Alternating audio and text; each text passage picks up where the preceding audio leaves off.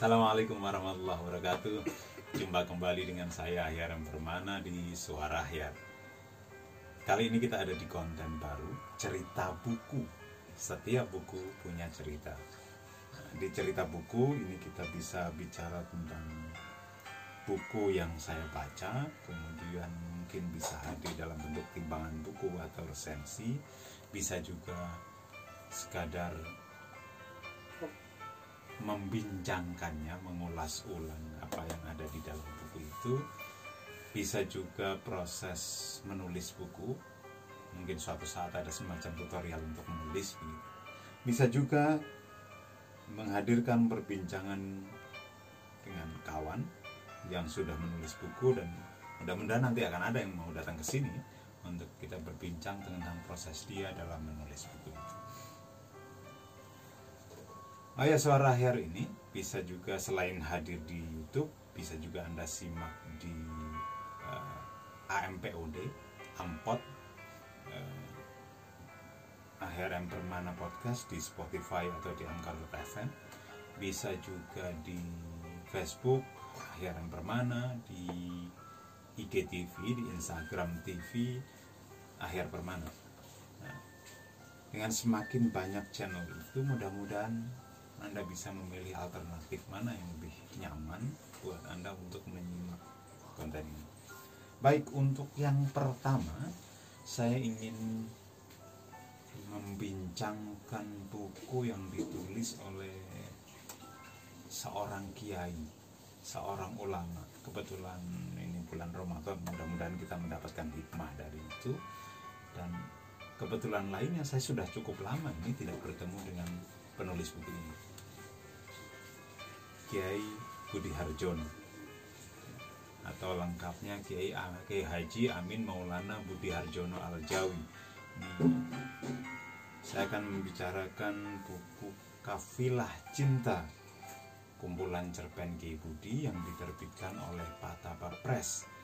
Eh, penerbitan yang dikelola oleh Pak Susilo Tur.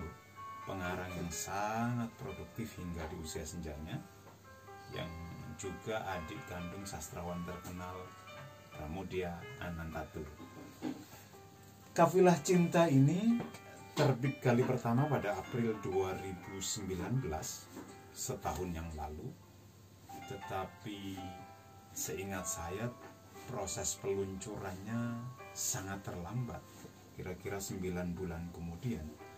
Novel eh, kumpulan cerpen ini diluncurkan di Kedai Kopi Kang Putu, Kampung Kebyok, eh, Gunung Pati, Kota Semarang pada pertengahan Desember 2019. Kenapa bisa sepanjang itu antara proses terbit dan peluncuran? Ya karena Kiai Budi sangat sibuk. Kiai Budi ini keliling ke mana-mana, berceramah ke mana-mana, bukan hanya di Semarang dan sekitarnya, tapi juga di Jawa Tengah, di Jawa Timur, bahkan hingga di Sumatera dan Kalimantan. Saking sibuknya, susah bagi Kiai Budi, sulit bagi Kiai Budi menentukan jadwal peluncuran bukunya sendiri.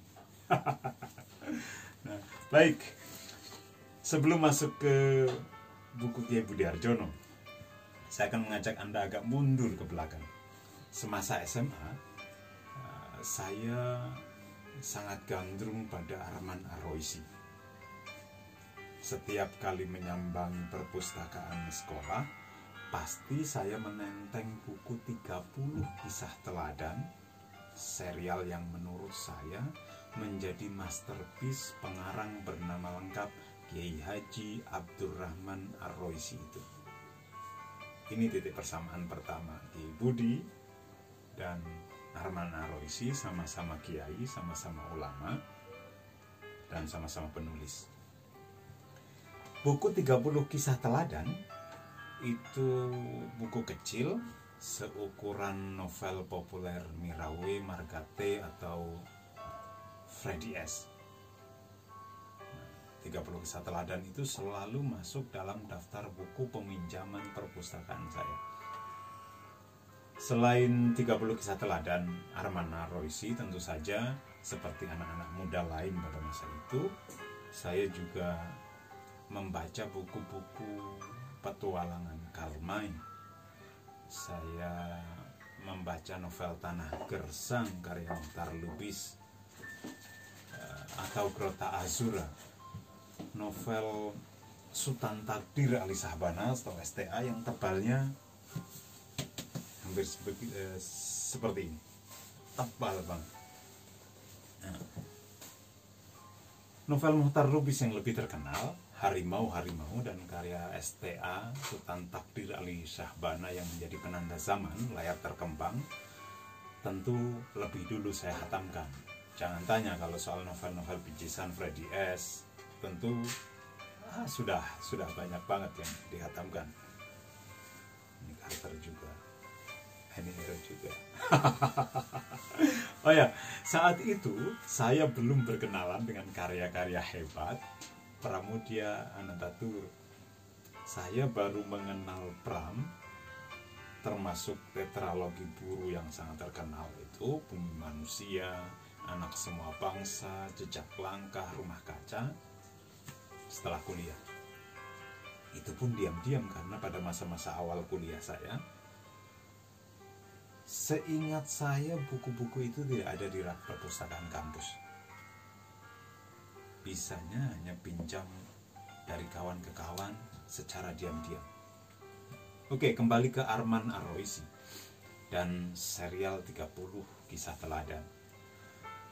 Arman Aroisi ini seorang yang sangat produktif, penulis yang sangat produktif. Dia juga seorang multitasking, sarjana sejarah, ulama, penulis karya fiksi Selain 30 kisah teladan, serial yang terdiri atas 12 jilid, tiap jilid terdiri atas 30 cerita, dia juga menulis novel.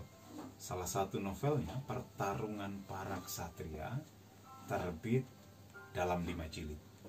Arman Aroisi juga menulis serial Wali Songo, kisah eh, para penyebar agama Islam di tanah Jawa. Pengarang kelahiran Pemalang 13 Desember 1945 dan wafat di Jakarta pada 2006 ini juga menulis buku-buku non-fiksi. Buku non-fiksi Arman Naroisi antara lain Islam Pergolakan dan Pembangunan tahun 1987 catatan saya Rumah Tuhan Selalu Terbuka pada 1988 terbitan Pustaka Kartini dan pengembaraan batin Bung Karno pada 1993 terbitan Rosda Karya. Tetapi dari semua buku, semua karya Arman Aroisi bagi saya yang paling meninggalkan kesan ya 30 kisah teladan. 30 kisah teladan ini berbentuk cerita pendek, kumpulan cerita pendek yang dihimpun dalam 12 jilid Jilid pertama dari serial itu memuat 30 kisah yang hampir semuanya dipetik atau berlatar belakang sejarah. Seingat saya karya Arman dalam serial itu memiliki kekhasan mengusung tema keimanan dan petualangan dengan bahasa yang renyah.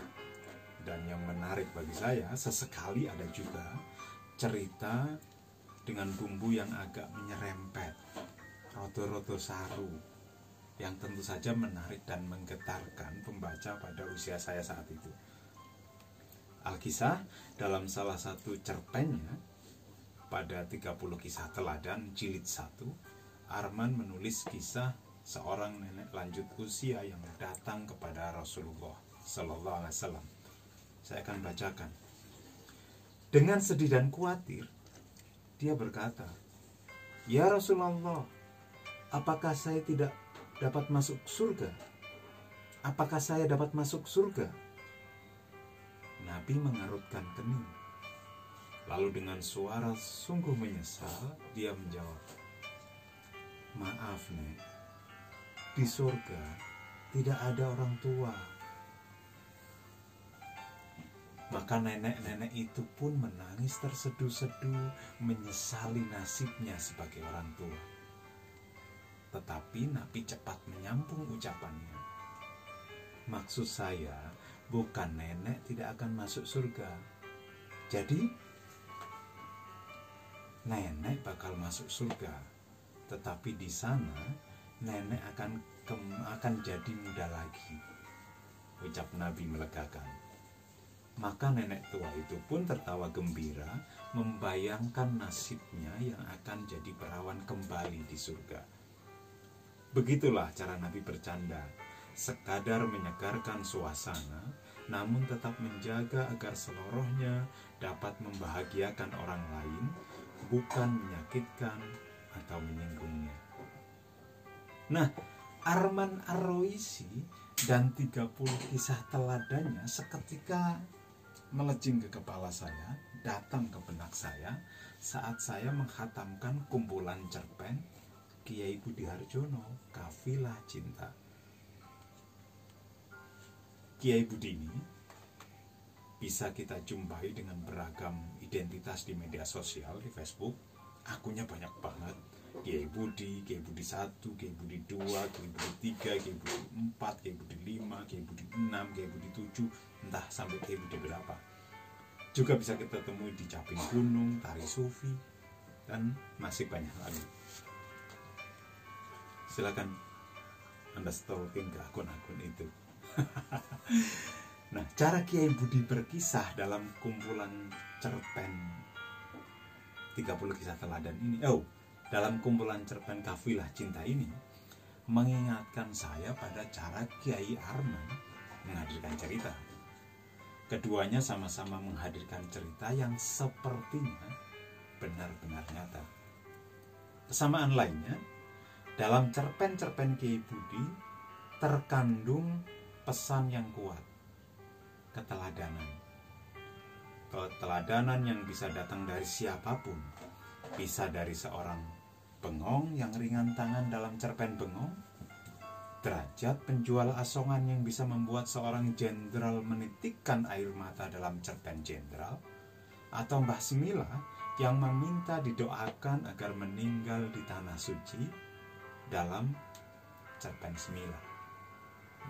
Seperti juga Arman Aroisi dalam 30 kisah teladan, Kiai Budi dalam meracik ceritanya juga menggunakan bahasa yang segar. Bahasa sehari-hari yang gampang dicerna, bukan bahasa kelas tinggi. Tidak perlu modal penguasaan bahasa kelas tinggi untuk bisa menikmati cerpen-cerpen Kiai Budi. Kalaulah ada sedikit persoalan, kehadiran sejumlah kosakata dalam bahasa Jawa tanpa terjemahan yang ada di kafilah cinta ini akan memberi beban tambahan bagi pembaca non Jawa. Saya kira itu dulu di bagian pertama. Saya masih akan lanjutkan pembahasan tentang buku Kiai Budi Kafilah Cinta ini di cerita buku. Setiap buku punya cerita. Saya Hayat Permana. Assalamualaikum warahmatullahi wabarakatuh. Yuk berbagi cahaya.